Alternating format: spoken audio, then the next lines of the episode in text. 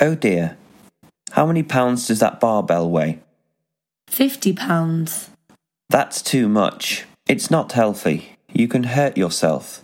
You haven't even warmed up yet. I'll be fine. It's not my first time here. Okay. Can you show me where the 10 pound weights are? I can't lift more.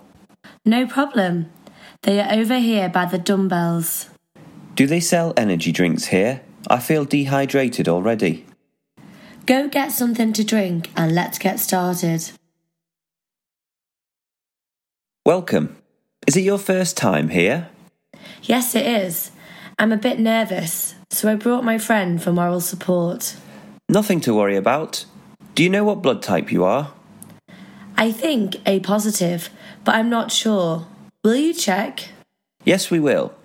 Do you know what's going to happen? I think so. But can you walk me through it? You'll sit in this chair and your friend can sit next to you. It'll take around 30 minutes. Then we'll give you a sandwich as thanks, and then you're good to go. Okay. Thank you. Wish me luck.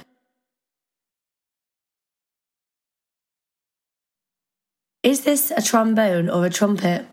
I don't know. Why do you have to know?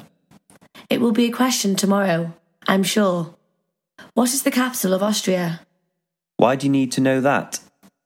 It has something to do with Mozart, I think. Oh, that's hard. Have you prepared?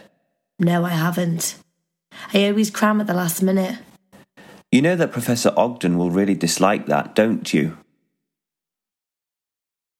Are you prepared for tomorrow? Stop nagging, please. The test will be easy. You should study more.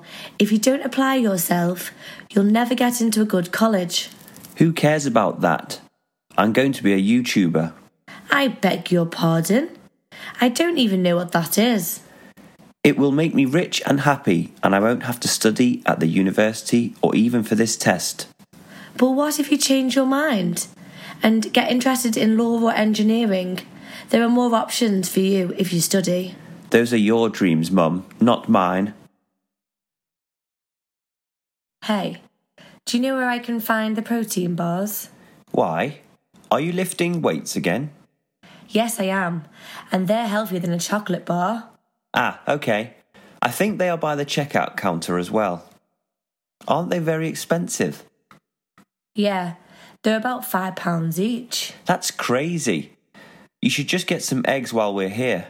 I also need some bread for breakfast tomorrow.